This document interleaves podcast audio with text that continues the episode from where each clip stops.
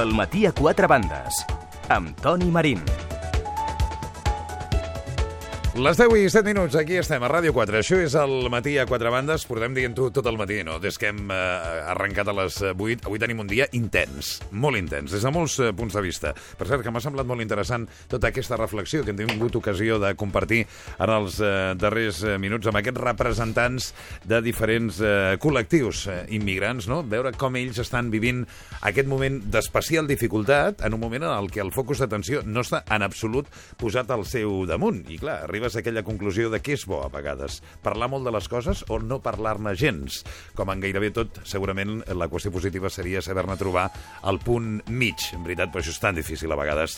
Gina Giró, què tal, Gina? Bon dia. Bon dia. La Gina Giró és membre de Pompeunomics, dues setmanes seguides dient-ho bé, eh? Molt bé, molt bé. No pots tenir queixa. Gràcies. Ignacio Fuentes, què tal, Ignacio? Bon dia. Molt bé, bon dia. L'Ignacio Fuentes és estudiant d'Administració d'Empreses a la Universitat Internacional de Catalunya. Dani Garcia, què tal, Dani? Bon dia. Bon dia. És el portaveu dels avalots de la UGT i asseient-se just en aquest eh, moment, allò, arribant eh, just en el Que va, que va, moment... si estava jo esperant.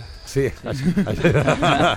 Esperant què? Esperant que comenceu. Ah, d'acord. És el Rodrigo Martínez, secretari general d'Estudiants pel, pel Canvi. Déu-n'hi-do com ho tenim tot, no? Dani? Déu-n'hi-do quin panorama entre unes coses i unes altres, no? Doncs sí, està tot el tema una mica complicat. Ara parlàvem aquí tot just quan estàvem esperant, nosaltres de veritat, del tema de com la corrupció realment està, eh, d'alguna manera, tacant tot el prestigi d'anys i anys de, de democràcia. Vull dir, com tots els partits polítics, que no se salva ni un, de que tots tenen alguna petita taqueta de que s'han emportat calés que de manera, podem dir, fraudulenta, no? No sé si és just, la veritat, dir no se'n salva ni un. Perquè algú se'n salva. Bueno, majoritàriament. Vull De dir, partits, jo crec que cap. No? No sé, jo vull dir De que... persones, persones vull dir, sí. en els últims temps... Sí, sí, jo no estic parlant de persones, estic parlant de partits. Eh, de, de que estem arribant a un moment on cada setmana hi ha un petit escàndol. Si no d'un polític, que havia estat doncs, d'algun polític que havia estat en actiu fa uns anys. Vull dir, no sé si és que últimament ens volen desprestigiar com a país, però realment doncs, cada dia surt alguna cosa. Qui vol seguir? Imagino, Gina, vols dir alguna cosa, no? Sí, bé, evidentment estic molt d'acord amb el que s'està dient i és un gran problema perquè és, hem arribat a un punt en el qual els ciutadans creiem que el poder és impune totalment, perquè veiem com cada setmana als mitjans surten nous escàndols de corrupció i el Dani deia petites taquetes, bé, bastant grans les taquetes, estat perquè... diplomàtic, estat diplomàtic. Sí, sí, ho has estat. Però vull dir que... I, I és com que no passa res, i aquí ningú dimiteix, ara parlàvem del senyor Duran, no? També ho comentàvem mentre esperàvem, que és esclau totalment de les seves paraules. Perquè ell va dir que si es demostrava que hi havia finançament irregular en el seu partit, ell dimitiria. I ara s'està contradient totalment i això doncs, per la seva reputació i per el nostre sentiment com a ciutadans que depenem de les seves decisions, doncs realment no sé on ens estan duent. Crec que hauríem d'inventar un nou concepte, Ignacio, no? Perquè històricament havíem parlat sempre de la pena del telediario, ara hauríem Mm. d'afegir la pena de la maroteca, no? Sí, sí. Sí, això de, de, de Duran i Lleida, que el 2000 va dir allò de a Cadena Ser, de que si, si es demostrava que... És que aquí el greu de, de, del cas aquest és que en altres casos, Partit Popular, Partit eh, Socialista, era que persones individuals no sabia molt bé el que s'havia fet amb els diners. En aquest cas, el greu és que Unió Democràtica, com a partit, es declara culpable. Això, això és el més greu, que no són persones de cas Gürtel, mm, Costa, Camps, que estan en entredit. No, és que el partit en si diu doncs, que, que hi ha culpabilitat. Això és molt greu, perquè no només en una situació de crisi, no només ara estem patint eh, les conseqüències econòmiques, financeres, no, a més ara, a sobre, la reputació del país a nivell de, dels seus càrrecs pol- eh, polítics doncs està en entredit, no? Digue, Rodrigo. Bueno, a banda de que, de que òbviament, doncs, un cas de corrupció doncs, mai té res, eh, mai li pots treure res de bo, eh, home, jo crec que això de que hagi sigut el, el partit el que hagi eh, doncs, assumit la, la culpa de- d'aquesta finançació il·legal, jo crec que és una cosa positiva. Eh, vull dir, el cas Gürtel, eh, per exemple, no? com, com tu has dit, doncs sí, van ser unes persones, però és que van ser unes persones amb coneixement del partit. I el partit sempre es- sempre s'ha desvinculat d'aquestes persones. Eh, el PP amb Gürtel i amb tots els casos de corrupció que ha tingut, Això no és cert, i i de hi la mateixa manera judici- que el PSOE i tots els partits. Això hi ha, un, hi ha un judici en el cas Gürtel i això no és cert que dius que el Partit Popular estava vinculat. És més, Bueno, el perdona, senyor es fina- el perdona, senyor el Camps, Partit Popular el senyor Camps, el senyor Camps i el senyor Costa, per un marge molt ajustat de vots, per un vot, eh, de vot popular en el judici, se'ls hi va exculpar. Llavors, el mateix cas que Unió no és. Bé, a mi em costa de creure personalment que es puguin fer tots, aqu- tots aquests trepitgeos i que ningú sàpiga que el partit no en sigui conscient, perquè si és realment així vol dir que hi ha un Però- descontrol enorme.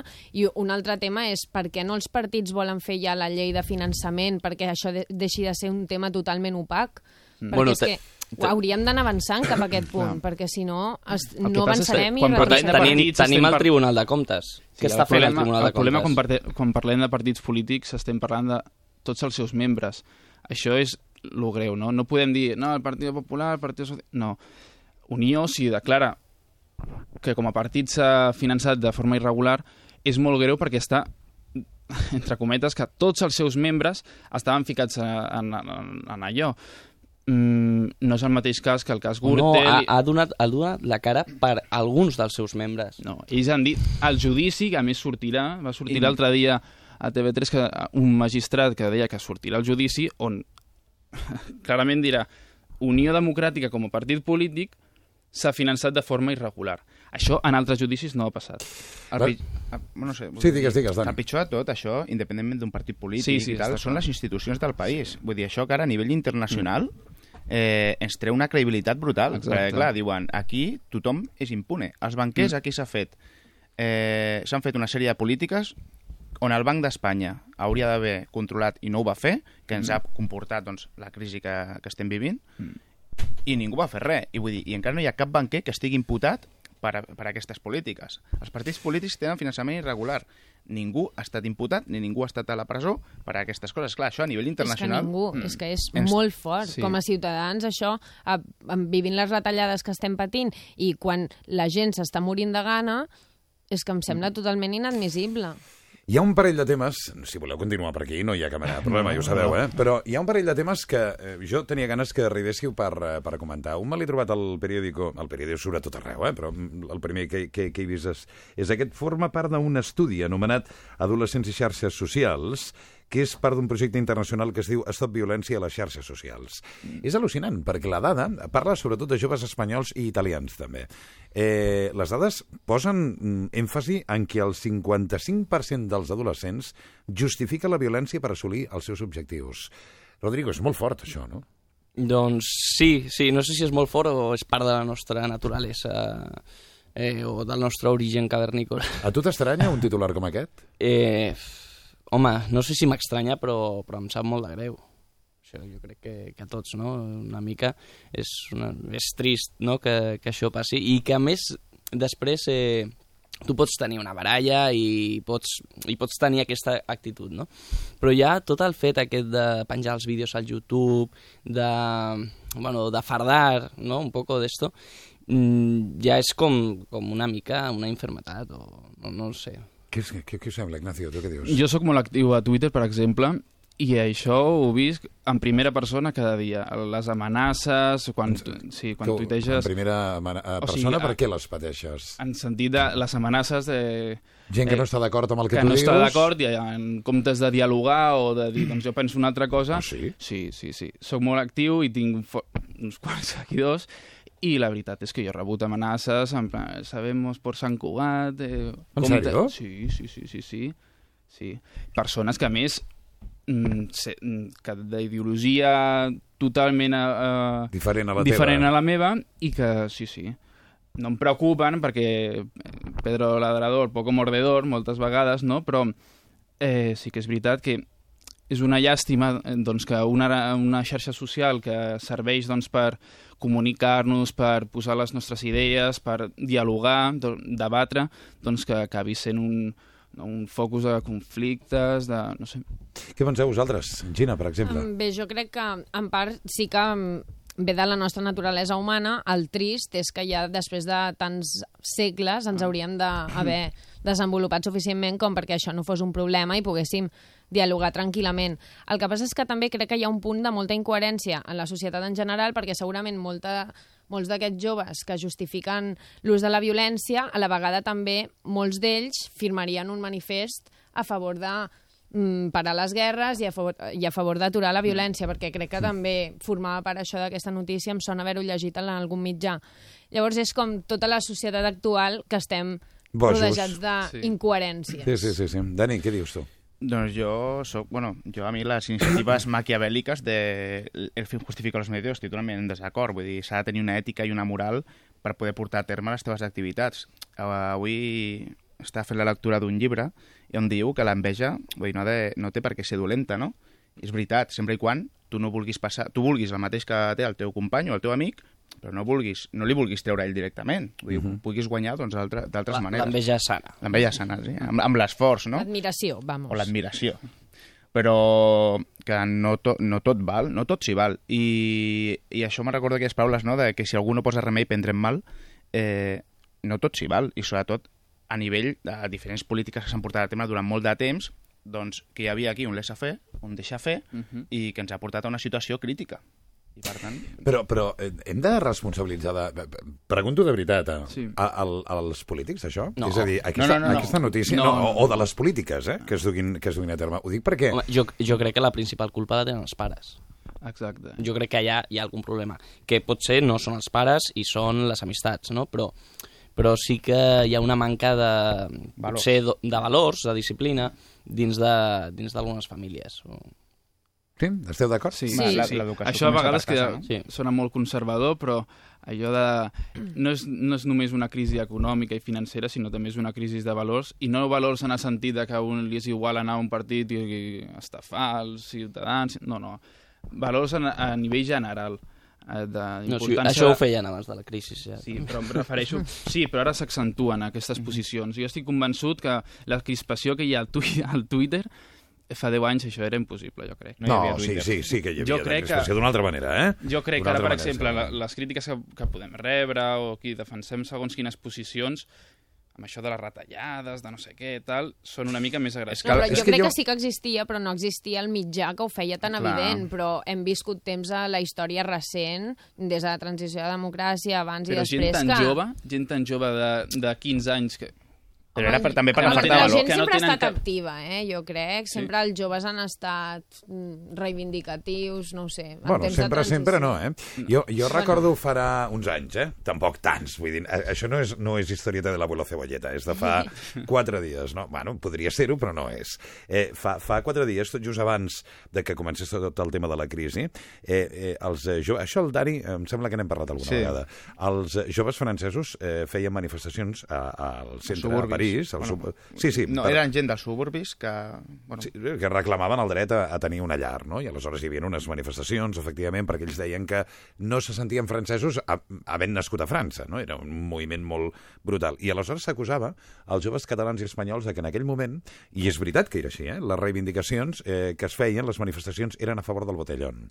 I es parlava de que la gent jove estava molt deslligada de la vida política. És veritat que ara hi ha hagut un, un, un apropament molt més important, no? Sí, poder aquest ha estat un període obscur de la història, però tampoc crec que en general hagi estat així. Jo crec, bueno, potser m'equivoco perquè tampoc els vaig viure, però pel que sé, als anys 60, 70, 80, la joventut era activa, però vamos, no... ja, però tampoc... això em sembla que es va aturar als Un moment anys històric 80. també és diferent, no? També us ha tocat viure una situació diferent. Vull Clar, dir, clar, és que cada moment... Però el que m'agradaria afegir és també que um, crec que els pares tenen un paper molt important, però després el, tot el tema de les empreses també juguen un factor important perquè els nostres pares no s'educaven en videojocs, per exemple, que mm, el seu fil conductor és la violència a tota l'estona. Llavors, clar, és com una culpa compartida entre tots. Però sempre hem tingut violència, eh? Jo, jo la, la sèrie de televisió que més m'agradava quan era petit i que la tenia absolutament mitificada, fa un any i mig o dos anys, un dia em vaig quedar dormit al sofà i quan em vaig aixecar al matí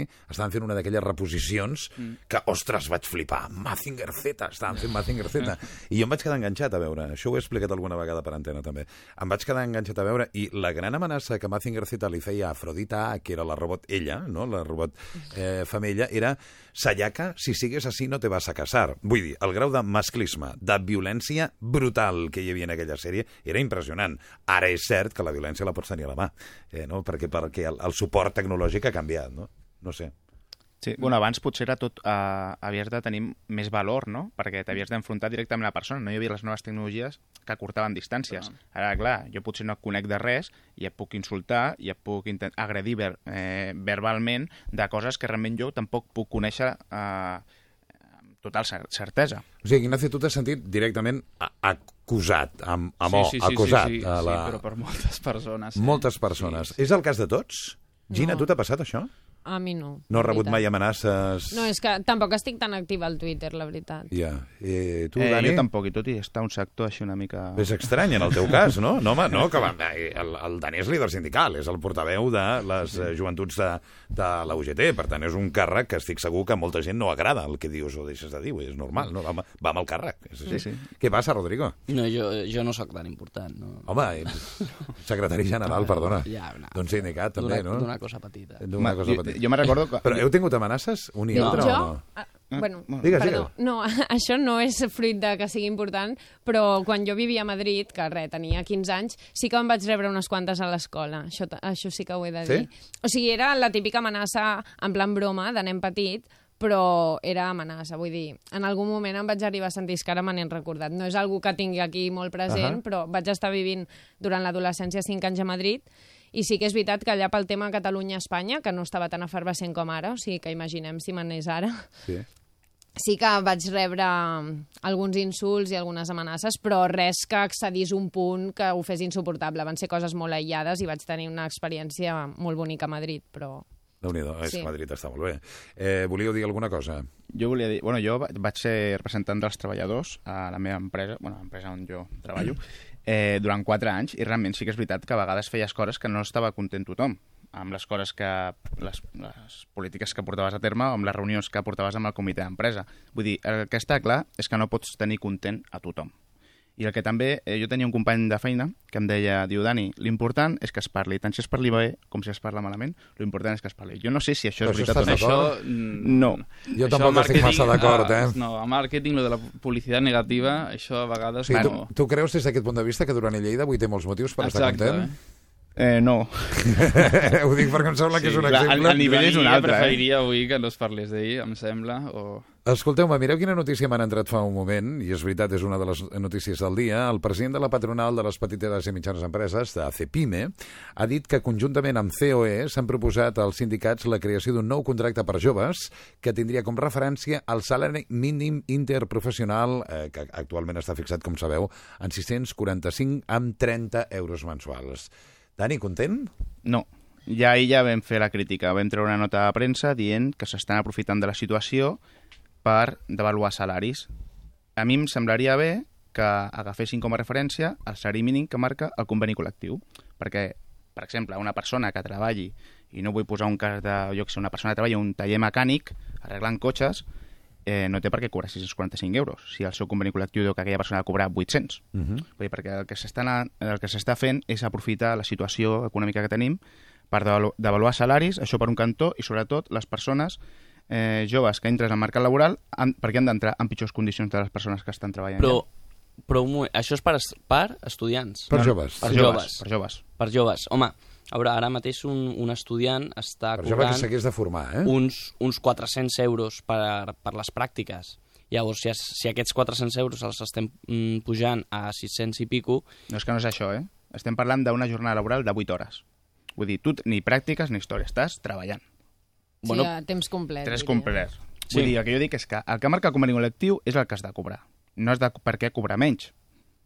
Perquè quan una persona, quan es negocia un conveni col·lectiu, es té en compte tot, aquell, eh, tot allò que afecta en aquell sector econòmic, per dir-ho d'alguna manera. vale, vale. Bé, però si aquesta notícia Sí, representa però- una millora, podríem estar contents, no Mm. conformes o satisfets del tot, però almenys... Això ja ho vam perquè és parlar la setmana passada i el, els salaris estan inflats.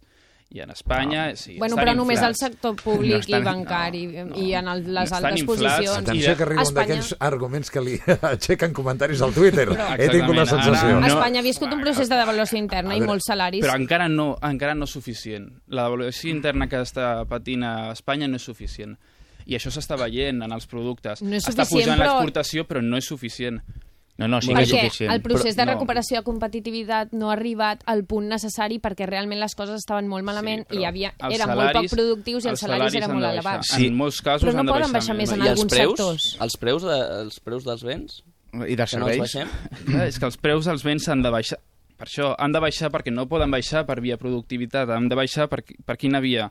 Salaris. És Que l'única... és una via No, temporal. doncs- doncs els És una salaris- via- Exacte, és una via temporal, No, no, però és, és que l'única ens, ens hem d'oblidar del terme temporal, això després ningú se'n recorda. Quan les coses van bé, els salaris Mm, no pugen, eh? bueno, estem parlant d'un salari...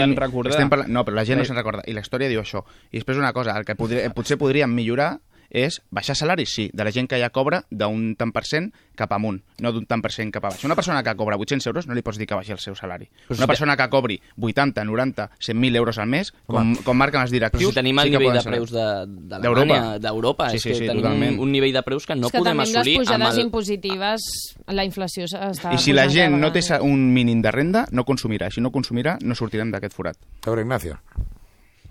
Això ja ho vam parlar l'altre dia, lo de la devaluació interna i això.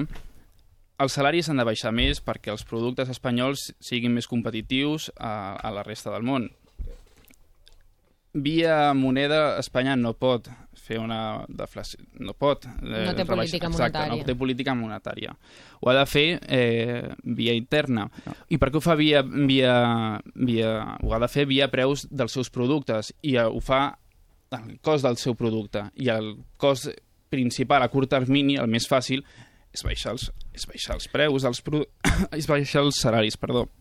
I tornar a les El, fàbriques. el, el que Clar, però de fer... tu saps que una devaluació de- interna no és...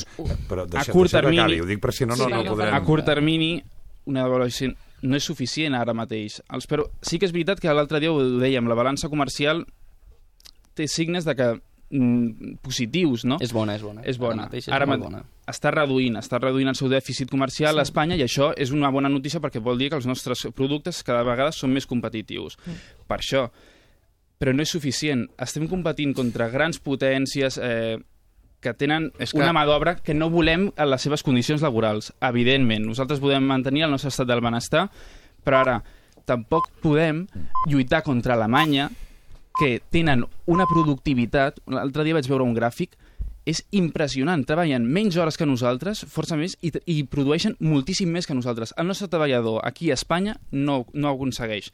Sí que és veritat que ara està canviant la tendència. Potser s'ha d'invertir que en maquinària, no? Per tenir el mateix tipus No de només, maquinària. Però- no només. Les infraestructures. Especial- I en formació dels treballadors, formació dels treballadors. És un conjunt, és un conjunt de- recerca. Evidentment, que els és un conjunt de donin una coses- oportunitat a la gent jove. No, és un conjunt de Clar. coses que estan canviant. El nostre país estava en la cultura del totxo. Ara estem intentant canviar aquesta estructura. És molt difícil canviar això en 4 anys. Complicadíssim. Jo el que crec és que falta un, un discurs en el que probablement això que diu sigui necessari, però en el que busquem semblar-nos a Alemanya en tot. No, sí, no, no, però- no, en tot. Quan dic en tot, vull Sí, dir, amb drets, amb eh, uns serveis socials que, El que recolzin... passa, això- Perdona, perdona, mare Sí. mia, home. Eh, dic que potser ens hauríem de semblar en tot, perquè a vegades un té la sensació que quan parlem del futur d'un país assistim a una operació aritmètica. I resulta que no, perquè jo crec que si a qualsevol dels nostres eh, governants, a qualsevol, de qualsevol partit, li preguntem per què vol ser president del govern, la resposta probablement hauria de ser, crec jo, mm, per portar a la gent de, de Catalunya, d'Espanya, a un, a un, eh, un camí, mm, no sé, interessant, positiu, de prosperitat, de créixer. No sé si la gent eh, a- per la qual es governa eh, entén molt bé que tot plegat sempre sigui en base a grans eh, estimacions de si el mercat s'anima o el mercat no s'anima. És a dir, està molt bé comparar contínuament amb Alemanya o, o comparar amb el nord d'Europa, però comparem-ho amb tot. Comparem amb, amb el poder adquisitiu de les persones, comparem el salari mínim, que ara, que ara parlàvem. Efectivament, no ho sé, no ho sé eh? ho dic perquè a Sí, vegades sí, sí. sembla que l'única cosa que importa sigui l'economia. I a mi, sincerament, m'interessa molt més les persones que no pas l'economia. Clar, No però és que estan molt relacionades. Exacte. És a dir, a mi m'agradaria dir que um, és cert que potser el procés de devaluació interna que hem viscut no acaba de ser del tot in, eh, suficient, però això no treu que s'hagi de seguir apretant per aquesta via, perquè arriba un moment en els que els salaris de les persones ja no es poden baixar més. Mira, mira, mira quina notícia, perdona, que era la que vostè... És que me l'han portat. Jo crec que algú m'ha llegit telepàticament la Marta Soler el, la notícia. La brecha salarial entre directivos y empleados ha crecido un 4% en el último año, uno de los más duros de la crisis. És a dir, no paren de baixar els sous dels empleats, però en canvi els dels directius no paren de créixer. Com s'entén això, no? I llavors la demanda agregada interna, que és la de la classe mitjana, es redueix i això l'economia tampoc ho beneficia. És a dir, arriba un punt en el que el trade-off no, no, no funciona. És a- Perdona, perdona, què és el trade-off? El, la balança entre el, la, el que seria el que guanyem amb les, més ex, amb les exportacions majors i el que perdem perquè la, els ciutadans espanyols consumeixen molt menys. Ok, gràcies. Digues, digues, Ignacio. No, que està clar, però jo quan parlava de d'avaluació interna també parlava dels directius. M'estic referint a tothom. Evidentment que si el marge de, de reducció és més gran als directius, doncs que també se'n va- eh, redueixin el salari dels directius. Jo no estava especificant només als treballadors, d'acord? Ara, és això el que hem parlat. O Home, sigui, podríem no començar és- amb, amb, les, amb, amb algunes empreses públiques d'aquestes que no, no sabem molt bé a què es dediquen, amb els aeroports, amb, Exacte. i, amb, i, amb, i amb les caixes, per suposat.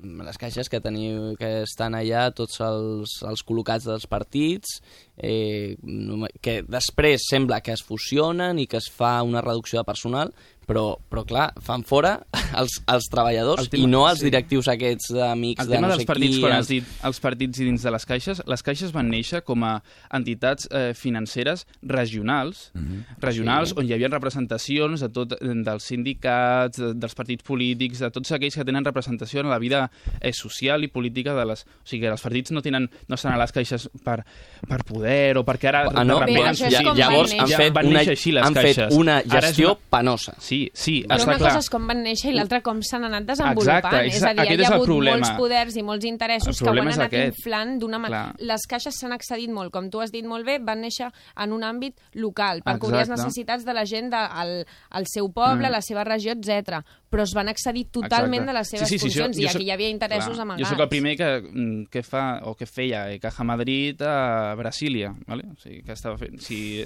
la seva regió era Madrid. Fin financiar el Partit Popular i, i, i, i altres altres partits. I altres partits perquè tothom estava allà sí, sí, ficat. sí, sí, sí, però bueno, O el Real els, Madrid, els, els, o- prest, ja els això. préstecs eh, que es donaven als partits doncs, bueno, tenien molts avantatges. Bueno, hi ha uns partits més endeutats que uns altres, també. Ai, parlant, Sí. de, parlant del Real Madrid. Com el, el Real Madrid, Rodrigo? Què? Jo, jo, jo aquest any estic, estic una mica fora del futbol Perquè perquè... com ara fa molts dies que no ens veiem, és veritat que des d'abans de... No hem parlat de Mourinho, Rodrigo, Mourinho, qui és el Mourinho aquest? l'entrenador del teu equip, home. Sí, sí, no, jo, jo mira, com Casillas, eh, jo el recolzaré fins al final, però que, però, bueno, al juliol s'ha d'anar. Sí? Sí. Sí.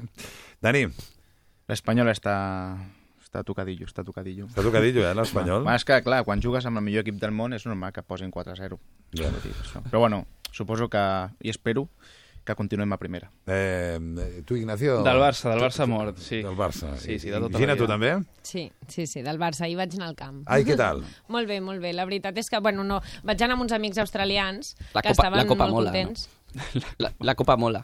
Home, sincerament no és el meu torneig preferit, però ja que sóc del Barça, doncs els recolzo a tots els partits que juguin. I el Messi no va jugar, cosa que... és, que, és, que, és que la cosa va per una altra banda. Què li Ah, va sí? passar a Artur Mas?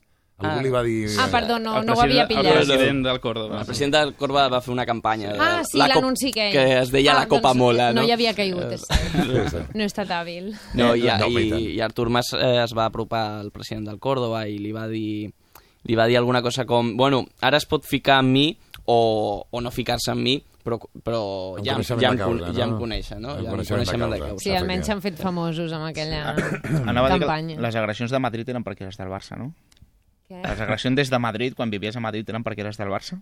Mm, bé, crec que era un mix de coses. Mira, jo crec- També jo- sóc mig basca, o sigui, crec que es va juntar tot. Dic basca, sincerament- Madrid, Barça. un mes i... Dic sincerament que jo crec que Madrid és una de les ciutats, que no sigui Barcelona, on he vist més culers. Hi ha moltíssima em vaig penya. conèixer més bastants. catalans, és, és després de Catalunya, evidentment, és on hi ha més No, catalans. però a a banda, Madrid, a banda sí, o sigui, a, a mi em fa molta gràcia, jo, a mi Madrid és una ciutat que m'agrada molt i que hi vaig sovint, no? I conec a tants madrilenys que són del Barça, sí. que és impressionant, és impressionant. Jaume, eh, tu aquí a Osca eh, ets de... Què, què, respires respecte al Barça?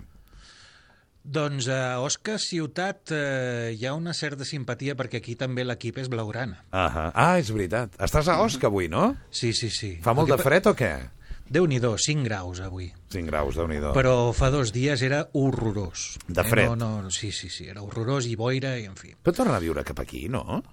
Eh, perdó? Que tornis a viure cap aquí, no? El dia que trobi una feina i que pugui pagar un lloguer. Ah, val. Sí. O sigui, que estàs allò com en eh, les mazmorres, Jo estic en un exili econòmic. com, com tantíssima i tantíssima gent, no? Exacte, sí, sí. Jaume, sort que fins, a, fins aquí arriba la senyal, el senyal del cinema, no? Sí. Que avui hem de I- parlar- I el de Ràdio Nacional, que està present a les 52 capitals de província. Sí, senyor. Molt bé. Si m'ho arribes a dir una mica abans, t'hagués posat una música institucional per sota. Es... Escolta'm, Jaume, el tema dels Oscars. Avui, avui heu seguit el tema dels Oscars, vosaltres No. o no? Rodrigo, Aquest any no... Mm, bueno, una mica. una mica? Sí. Així, una primera impressió. Sí. Què? No està Bardem, que està bé, perquè tampoc és tan bon actor. No t'agrada Bardem? No, no, no. Tampoc és tan bon actor, diu. Està bé. No. Eh, És bon actor o no, Jaume? si ens eh, basem única i exclusivament en la seva capacitat actoral, és impressionant com a actor. És possiblement un dels millors del món. Val? Ara, Però- si, si entrem dintre de la política, evidentment, però no estem parlant de a molts política. no li agrada. No. No, no. Ah, no, no, no. doncs, no. doncs és no, un no. error. Això No, seria un error. no, seria no, a la línia del que comentàvem abans amb l'Ignacio. Una de però les grandeses de la democràcia és que cadascú pot pensar el que vulgui i després una altra cosa és l'activitat professional de cadascú. Que Sí, però és que estem parlant d'Espanya, no d'Alemanya. No, però a ell li agrada- Jo crec que o fa, o fa de boig o no fa res. Fa de de dolent boig. de la pel·lícula, sí. Ara li, li pega aquest eh, Sí. paper de dolent. Sí. Home, a James Bond és espectacular. No l'he vist jo encara. No l'has vist? No l'he doncs vist. L'has de veure perquè molt bé. He d'anar ja. Està molt bé. Eh... A mi m'agrada molt. Sí, Jaume, tu què dius? Mira, antes de que anochezca, la primera vegada que el van nominar, no feia de boig. Ja. I li van treure aquell Òscar pel- i li van donar aquell tros de carn batejada no, que és no, el... no estic dient que els dels Oscars sempre tinguin raó, eh? No, no, jo, jo tampoc. És més, jo crec que els Oscars són el, el premi més sobrevalorat de la, del món del cinema. Sí. Parlem perquè hi ha molt negoci darrere. Ah, o sigui que avui el que fem és parlar pel negoci. Sempre parlem pel negoci. Sempre parlem pel negoci. Gina, tu has seguit una mica el tema dels Oscars, saps qui estan eh, ja com a candid que tenen candidatura o no Bé, encara? no ho tinc molt clar, però sí que ho he anat sentint aquests últims dies a la ràdio, però és que el, la veritat és que la majoria de pel·lícules que estan nominades, per desgràcia, no les he vist, m'hauria de posar al dia. He vist la de l'Impossible, que està la Naomi Watts nominada, Ahà, sí. I crec que no n'he vist cap més, així que m'hauré Tu, Dani, què tal? d'actualitzar. Estic una mica desconnectat en aquest aspecte. Vaig veure també la de Lo Impossible, però bueno, després em sembla que la que té més nominacions era aquesta de... Lincoln, no? Lincoln, no? Que surt la Casa Blanca amb els seus inicis. 12 candidatures, no, Jaume? 12 candidatures per la darrera pel·lícula de, de Spielberg que explica els quatre darrers mesos de vida de, del seu, un dels seus presidents més destacats, Abraham Lincoln. Ah És l'adaptació d'un llibre d'història que abarca tota la vida de Lincoln, però eh, Spielberg s'ha centrat només en aquests quatre darrers mesos perquè si no li sortia una sèrie de televisió. Ja, clar, clar, clar. Bueno, ja van sortir sèries de televisió a l'Ala Oeste, per exemple, no? Sí, sí, sí, el que passa és que, clar, no tenien el pressupost que ha de tenir una pel·lícula d'aquestes característiques. No sé, no sé què dir-te, eh? El que devia costar aquella sèrie, però en fi, és un altre tema. És un altre tema. I què més? Doncs eh, li segueix La vida de Pi, la pel·lícula d'Ang Lee, amb 11 nominacions, eh, candidatures. Eh? Nominacions no està ben dit en català. Ah, no? No, candidatures, nominar, doncs. Sí, nominar és eh, dir el nom d'algú. Ah, exacte. Eh? En aquest cas són candidatures a premis. Molt bé, hem pres notes. Gràcies per la lliçó, està bé. No, mira, Oh, i tant, no, no, És que- de veritat. a mi em surt nominacions, eh? però estic fent un esforç per dir el que s'ha de dir, que és candidatura. Així s'aprèn. El lado bueno de las cosas, que és aquesta pel·lícula que en el seu títol original és eh, Silver Linings Playbook, Ahà. té vuit candidatures, cosa que no entenc, però bé, les té. Los Miserables en té només set. Només és una manera de parlar, no? Està molt bé, set candidatures. Sí, però jo crec que es mereixia alguna més, inclosa una per un dissenyador espanyol. Ahà. Després, si vols, parlem una mica de, de eh, doncs, eh, Paco Delgado, que és el dissenyador del vestuari. Ja et dic que el Dani no està massa d'acord amb això. Perquè No. el Dani només ha vist una pel·lícula però li treu profit. No, no, no, no aquesta també, aquesta també l'he vist. Aquesta també l'he Ah, vist. aquesta també sí, l'has sí, vist. Sí. I Val. va ser un dia així, em feia una mica mal de cap i al final ja dic que acabin les cançons ja perquè era una, és una mica llarga, és una mica llarga. Sí? I, no, el vestuari està molt bé, però no sé, no em va acabar de fer el pes. Està... Què, Sí, i no què li més? agraden els musicals, potser. No, no, sí que m'agraden, però vull dir, aquell se'm va fer una mica... Però Pesat. potser t'agraden més els musicals de purpurina i llums. Tipus... Eh, Ah, S'acaba de ficar una mica amb tu, aquí, Ja, ja ho veig, ja ho veig, ja ho No, veig. no, una mica no. Molt. Però, escolta'm, què passa? Que a uno li pot no agradar un musical que a tu sí t'agradi? No, a un li pot no agradar un, els musicals Com i tu ja ets tan demòcrata? O sigui, fem un musical de Matrix. Mira, Matrix ja no interessa a ningú, només a tu. I fe, imagina't fer-ho musical. És Oh, dir, estaria xulo, no? Un musical música de The Prodigy, eh? No, The hauríem, de, Prodigy... hauríem de veure les coreografies, El no? Gang Style. Eh, Exacte, Style. exacte, exacte. Escolta, Mare ens hem meva. quedat amb Los Miserables i després què? Django desencadenado, que és la gran sorpresa, suposo, juntament amb Amor, que totes dues tenen cinc candidatures. Uh Mhm. -huh. Eh, és estrany que a Tarantino el deixin fora de millor director també, un any més, quan ha demostrat que veritablement és un dels grans, i a més a més quan anuncia que vol deixar el cinema. Això no ho sabia jo. Tarantino vol deixar el cinema? Sí, eh, ha anunciat una pel·lícula més que possiblement sigui la última. Eh, no sabem exactament el per què, però es veu que l'home no, no li acaba de fer el pes, eh, fer tant esforç per treure tan poc rendiment després de, de fer les seves pel·lícules. I eh, Michael Haneke, que s'ha colat aquí amb cinc, candi eh, ci- cinc candidatures, dues a millor pel·lícula, la millor pel·lícula estrangera i la millor pel·lícula en qualsevol categoria, la qual cosa ja fa pensar que una de les dues caurà segur, i les altres, eh, és que Amor és de llarg la pel·lícula més bona de totes les que surten en, aquestes, Sí? en aquesta llista dels Òscar. Ja ho vaig dir en el programa que, que parlàvem de les millors pel·lícules d'aquest 2012, que era de llarg la millor pel·lícula de l'any, Uh -huh. i aquí eh, doncs, s'ha colat precisament per això, perquè és d'una qualitat impressionant. També hi ha La noche más oscura, aquesta cosa que parla de la mort de Bin Laden o de la, de la recerca i captura de Bin Laden, Sí? eh, i Skyfall, que també trobo que és una gran pel·lícula amb cinc candidatures més, i després trobem una òpera prima, que és Bèsties del Sur Salvaje, que és possiblement una de les millors pel·lícules que estan també dintre d'aquestes eh, premis dels Oscars, Uh -huh. amb quatre candidatures. Òpera prima, candidata a l'Oscar a la millor pel·lícula. Poca conya, eh? déu nhi eh? Aquest home, eh, el director, s'ha lluït. Sí, sí, és arribar i, ven i moldre, vaja. Sí, sí. Després ja el típic, no? Anna Karenina, que ja tothom sabia que s'emportaria tres o quatre nominacions, en aquest cas quatre. Sí. The Master, que és aquesta pel·lícula sobre la cienciologia, tres candidatures. Uh -huh. I El Hobbit, les tres candidatures típiques de tècniques, no? I després hi ha pel·lícules amb dues i una, i una candidatura que ja no... Ara toca no a parlem. veure totes les pel·lis que no s'han vist fins ara, no? És que hi ha moltes que encara no s'han estrenat. Ja, bueno, Per aquestes, exemple- aquestes no, no es pot, vaja. Clar, Amor s'estrena avui, per exemple, Ahà. a, a Espanya. Per tant, Al és cap la de setmana. opció. Sí.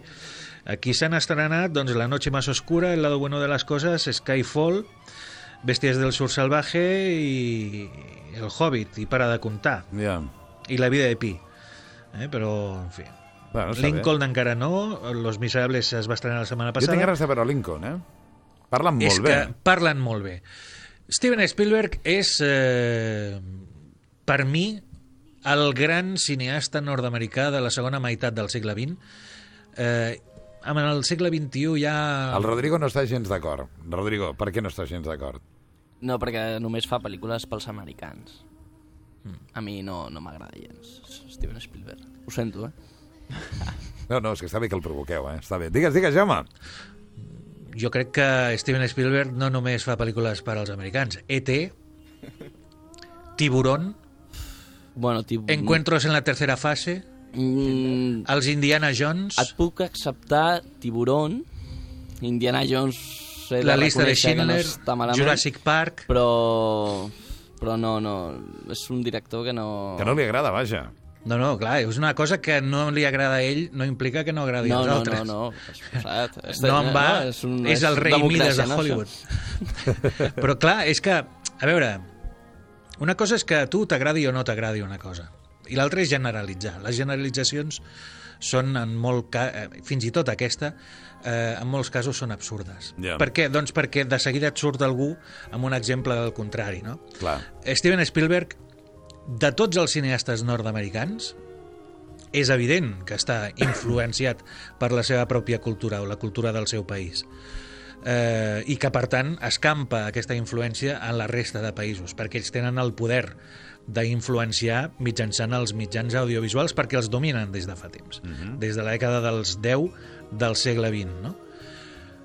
però d'altra banda crea llenguatge cinematogràfic i no només això, sinó que té un domini del llenguatge cinematogràfic impressionant. Eh, només cal veure una de les seves pel·lícules, darreres pel·lícules, El caballo de batalla, o Caballo de guerra, War Horse, eh, nominada l'any passat, amb tots els homenatges que fa als diferents directors de cinema. Allà hi ha homenatges a Akira Kurosawa, John Ford, a David... Eh, com, el de... La Kim. És que no sé qui És que no em surt... Sí, és igual. Bé, a, a una sèrie de directors, 7 o 8 directors i moltes pel·lícules de la història del cinema, que si no tens una certa cultura cinematogràfica no passa res, però si la tens, dius, ostres, aquest tio sap molt de cinema. Ja. Ja. Eh, I no només és cinema nord-americà. És a dir, Spielberg li passa exactament el mateix que li passava als anys 50 i 60 a Alfred Hitchcock. Avui ningú nega que Hitchcock és un dels grans genis de la història del cinema.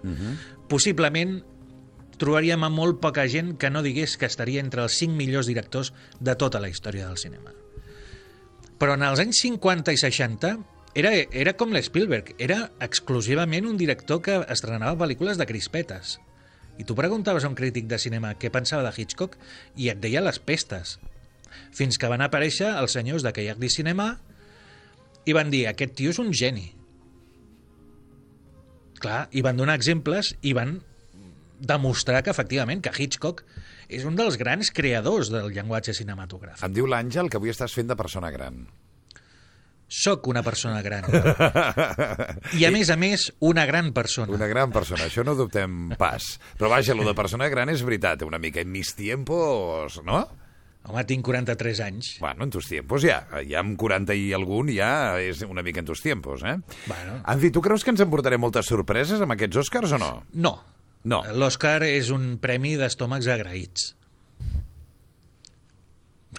És així. O sigui, quanta més pasta hi posi el productor de la pel·lícula, més Oscars s'endurà. Ja. Per tant, suposo que el que ens veurem és una baralla entre Lincoln i la vida de Pi Ahà. i els grans perdedors seran Los Miserables, eh, Django desencadenado i sobretot Amor, que només se'n portarà com a molt l'estatueta de la millor pel·lícula estrangera. Tot i ser la millor pel·lícula segons tu. Segons jo i segons qualsevol que tingui ulls i cervell. Ah, molt bé. Ets molt demòcràtic. El, el Jaume a mi m'agrada perquè és molt democràtic. Això No, jo abans no. volia parlar amb vosaltres, quan, quan, amb el tema de dir nosaltres formem part d'una democràcia eh, en la que està molt bé que tothom digui allò amb el que jo estic d'acord. Segurament, no? Seria una mica això, no? Eh, Jaume, el que estàs dient? No, a veure, jo crec fermament en la democràcia, però també crec que és impossible negar l'evidència. I- i l'evidència és que de jo la tinc mateixa raó. Manera, que no, clar, No? de la mateixa manera que no podem negar l'existència de la llei de la gravetat, perquè és absurd, perquè tot demostra el contrari, que existeix i que funciona. Però vols dir doncs... que la llei de la gravetat és el mateix que la teva visió eh, que de, sobre una pel·lícula? O sigui No, que, eh, sobre aquesta pel·lícula. de la mateixa no, sobre manera. una eh? no, sobre una pel·lícula així en genèric no. Sobre amor en concret sí. Sí que t'estàs fent gran, eh? Ja ets un home amb manies i aquestes coses, no? Un, un, mira, jo no, no em considero a mi Per mateix una, vegada crític. deixo, per una vegada et deixo que m'insultis públicament, mira el que et dic. No, no, no, no cal. Eh, jo no em considero a mi mateix crític de cinema perquè per ser crític eh, has de tenir una llarga i una vasta experiència veient cinema i no, Sí. no sé si la tinc. Sí. Eh, Com que no la tens, tu? no sé si la tinc. Possiblement sí, però no ho sé. Ja. I com que ningú no em paga per fer-ho, doncs possiblement no la tingui. O no, no en tingui prou. Eh, I aleshores, eh, jo crec que els crítics de cinema, jo sóc més aviat cítric, perquè els meus comentaris són àcids. Ja. El, el, eh, els crítics han de donar una visió fonamentada eh, de les coses. El que passa és que si vols arribar a la gent has d'anar als extrems. O sigui, si tu vols que el teu missatge arribi, has d'anar-te als extrems. És la llei de l'espectacle. Si una pel·li és bona, ha de ser una obra mestra. Ja. I si és dolenta, ha de ser un maó. Ja. Eh? El problema és quan no és ni massa bona ni massa dolenta, no? Clar. Que surts del cinema allò com, jo, quin rotllo. És quan et trobes eh, doncs, pel·lícules com La noche más oscura, que no és ni prou bona com per ser bona, ni prou dolenta com per ser dolenta. Escolta'm, i quan aneu al cinema, i aquesta ja és una pregunta generalitzada, i us trobeu amb una pel·li molt dolenta, l'acabeu Sí. de veure o no? Jo, normalment sí. Sí. Jo normalment sí. Normalment Només significa que hi ha hagut alguna vegada que t'has eh, aixecat i has marxat abans d'hora o no? Tres. Tres. Podríem recordar ara a les pel·lis en qüestió o no? Sí, i tant. 39 Palms, una pel·lícula que aquí no es va estrenar a Espanya, es va veure al Festival de Sitges i prou. Ja, Vaig trobar que era horrorosa, ja. una versió cutre de Sí, no, altres pel·lícules antigues. Crec, Jaume, que dient em vaig aixecar i vaig marxar, Sí. la resta d'adjectius, o sigui, està Ja, bé ja, dir-los, eh, en un no? moment donat, però... Sí, sí. Digues, digues. Eh, el fantasma de l'òpera, el musical, Ahà. eh, que era com un videoclip de Spandau Ballet, molt llarg i 30 anys més tard, és Ja. a dir, no calia. I finalment... I finalment una, però era als anys 80, ja ni me'n recordo de la pel·lícula, El gran guerrero americano o alguna cosa d'aquestes. Una Ja. Porqueria de la Orion, de ninjas i no sé quines històries més, que vaig dir, ostres, tu que dolent, me'n vaig a, a prendre'm una Coca-Cola por ahí. Dani, tu, tu has fet alguna vegada aixecar-te i marxar al cinema o no? Crec que no, però me'n recordo fa molts, molts, molts anys, jo era molt petit, i vaig anar a veure, em sembla que era Memento. Memento. Memento, i em sembla que... Et va semblar un rotllo, vaig, Memento? Vaig estar a punt de marxar. Sí? A tu et va agradar Memento, Jaume? És, per mi és una de les petites obres mestres Per mi dels- també. Del segle XXI. Per mi dir. també, per mi també, per això dic, ostres, deixa'm, que com jo no me l'estinc de mm, allò tenir un gran criteri cinematogràfic, dic, deixa'm que vagi a buscar el Jaume.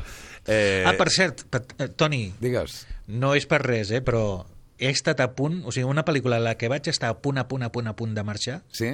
i no és broma, És Matrix. és Matrix. Ja, per, per, per, per, per, perquè no tens ni idea. No, no, per, per dolenta. Va, home, va. Per dolenta. Gina, eh, tu què? Jo normalment, si és molt dolenta, em quedo al cinema igualment. no ho sé, perquè bueno, vull veure al final encara que potser millora, sempre penso. Ah. Però bueno, normalment quan comença malament ja no s'arregla. Però una, una cosa és que abans hem parlat del festival de, De Sitges? Sitges, Ahà. i no sé per què, però quasi sempre que miro una pel·lícula que ha guanyat algun premi en aquest festival, quasi mai m'agrada. Mira, aquesta és una cosa, si més no tenir en compte, Jaume, com t'ho expliques tu? Potser no li agrada el cinema de gènere o el cinema fantàstic. No, sí que m'agrada en teoria, però les que guanyen premis allà no m'agraden. No sé per què. Llavors, bueno, no, no ho sé, no ho sé. Però en Perquè general no has- mai no has m'han semblat desenvolupat- pel·lícules bones. Suposo que no has desenvolupat prou el teu cantó friki. No, segur que no. Segur que no. Ignacio, i tu què has fet? Ho has No. fet alguna vegada? M'has- Una mai? vegada vaig canviar de sala. Jo, si no m'agrada, canvio de sala perquè, escolta, has pagat una entrada, doncs ho amortitzo, no?, fins al final. Uh No, està bé, em sembla una bona bona manera idea. de solucionar-ho, Sí, francament. anar-me del cinema sí que no. Ja són les cares... Són... Paguem molts calés per entrar al cinema, les crispetes, no sé què... Doncs Almenys fins que t'acabes les crispetes et exactament, quedes, no? ho amortitzo tot. Em, tu, Rodrigo, què? No, jo, jo no. No, no. No? No, sempre, encara que no t'agradi una pel·lícula, a lo millor et pots riure una mica amb els amics i, i tal. No, perquè mm, a nosaltres ens van enganyar una vegada per veure una pel·lícula que segur que no coneix, coneixeu ningú, que es diu Crepúsculo. Sí. Eh, de què va aquesta pel·lícula? No, doncs és de, no, de vampirs i homes job i, i això, ah, doncs, bueno, bé, no? Acció, tal... I què? Acció ni res, una Pel·lícula. merda de pel·lícula. O sigui, què és això? Però bueno, ens van quedar i vam riure bastant. Sí. Està bé, eh? veus? Va sobre la... va... Diu, vam riure per una cosa que no tenia res a veure amb la pel·lícula, d'altra banda, no? No, no, no. De la Ah, pel·lícula. de la pel·lícula. Bueno, ara pots treure el mòbil i whatsappejar, eh? Vull dir que ara ja... Ah, no, és clar. Fa una mica de ràbia, això, de quan són immòbils. I, I la gent que contesta. És que és molt fort, no? Hi ha gent Sí, hi, ha que gent, hi ha gent al cinema que contesta al telèfon mòbil, Jaume. Hi ha gent que mereix la mort Home, tampoc seria això, no? Lenta, molt lenta. Caure dintre de Sarlacc, que és aquella bèstia de El retorno del Jedi, Sí. que té una digestió de mil anys, i està allà. Eh? Durant allà, els mil anys. Durant els mil anys, eh, fent la digestió, Sarlacc, i ells allà whatsappejant, No, és fort, amb això. les crispetes. Però jo insisteixo que, mira, el WhatsApp encara, però eh, que, que, que, que jo crec que no, eh? però encara, però posar-te a parlar, és que jo he vist gent parlant al cinema. Però és que hi ha gent que està al cinema i en, a tot arreu en general i es pensen que estan al menjador de casa. Ja. No, eh? i- no és només al cinema, és a, a tot arreu. A l'hospital, també. Ja. Bueno, Bueno, eh, l'altre dia vaig estar en un enterrament i, i, i estàvem en silenci i va haver un moment que va sonar un telèfon i, i el van agafar. Que fort, eh? Que fort. Escolta'm, sobre això un dia haurem de fer un programa. Estic pensant sobre, sobre què passa amb la nostra educació quan sona el telèfon mòbil, no? Com ho Jo ja alterem et, vaig dir, tot plegat. ja et vaig dir que hi ha una secció molt bona que és Es mereixen un parell d'hòsties. Sí. Eh, el títol de la secció. Sí, No, no em desagrada, que consti que no em desagrada. Eh, és això, és gent o actituds que es mereixen un bon parell d'hòsties. Val, val, val. Escolteu-me, a veure, us explico què anem a fer la següent hora. Perquè nosaltres sempre fem l'oferta, quan venen els joves al programa, que es puguin quedar, si volen, a la següent per, per formar part. Perdoneu-me, d'entrada ve un home en publicitat que és brutal. Es diu Turi Toleson. Ha estat el creador de campanyes d'Audi, BMW, de Media Market, per exemple. Eh, allò, jo no soy tonto, sabeu? Tot, això s'ho ha inventat un senyor que avui tenim amb nosaltres a l'estudi d'aquí un moment. Es diu Tuli, eh, Turi Toleson. I després parlarem de sexe, que és una cosa que ens agrada. El sexe i parlar-ne també de, de sexe. Avui parlarem d'una història que és una mica digna de ser... Jo de veritat que tinc ganes de, de parlar d'això per veure què expliquen, no? L'exhibicionisme. Eh, alguna cosa a dir sobre això? O... Mm, Bueno, està bé, està bé, no. Eh, I després arribarà el David Martí i les seves tendències. Ah, per cert, escoltarem el que jo crec que és l'autèntic hit parell de la població infantil, que és el, el uh, Pollito Pío. Ah, Heu sentit a parlar sí, del Pollito sí, Pío? Sí? sí. No has sentit a parlar... Dani, t'has La cançó del... De la cançó. La, que, sí, que un s'ama el pollito, la gallina, La la, gallina, vaca, el- el, el perro... És horrible, perquè és una cançó, ja els dic ara si no l'han sentit, que la comences a escoltar per al nen Eh. i acabes tota la tarda Sí. amb el pollito pío, el pollito pío. És, és horrorós. La, la coneixes, Jaume, o no? No, encara, encara no. Jo estic amb la taza, tetera, cuchara, cucharita, cucharón. Ah, jo no sé què és això. Mare meva. Sí, ah, no, tu, aquí ho sap tothom, ara m'ho expliqueu durant les notícies. Vosaltres mateixos podeu quedar-vos si voleu, marxar si voleu, com sempre. Jaume, eh, seguim la setmana vinent. Gràcies. A tu, Una abraçada. igualment. Gina Giró, Ignacio Fuente, Rodrigo Martínez, Dani Garcia, un plaer sempre que estigueu amb nosaltres. Moltes Moltes gràcies. Gràcies. Ens aturem un moment, arribem a les notícies de les 11 i darrera hora d'aquest divendres del matí a quatre bandes, aquí a Ràdio 4.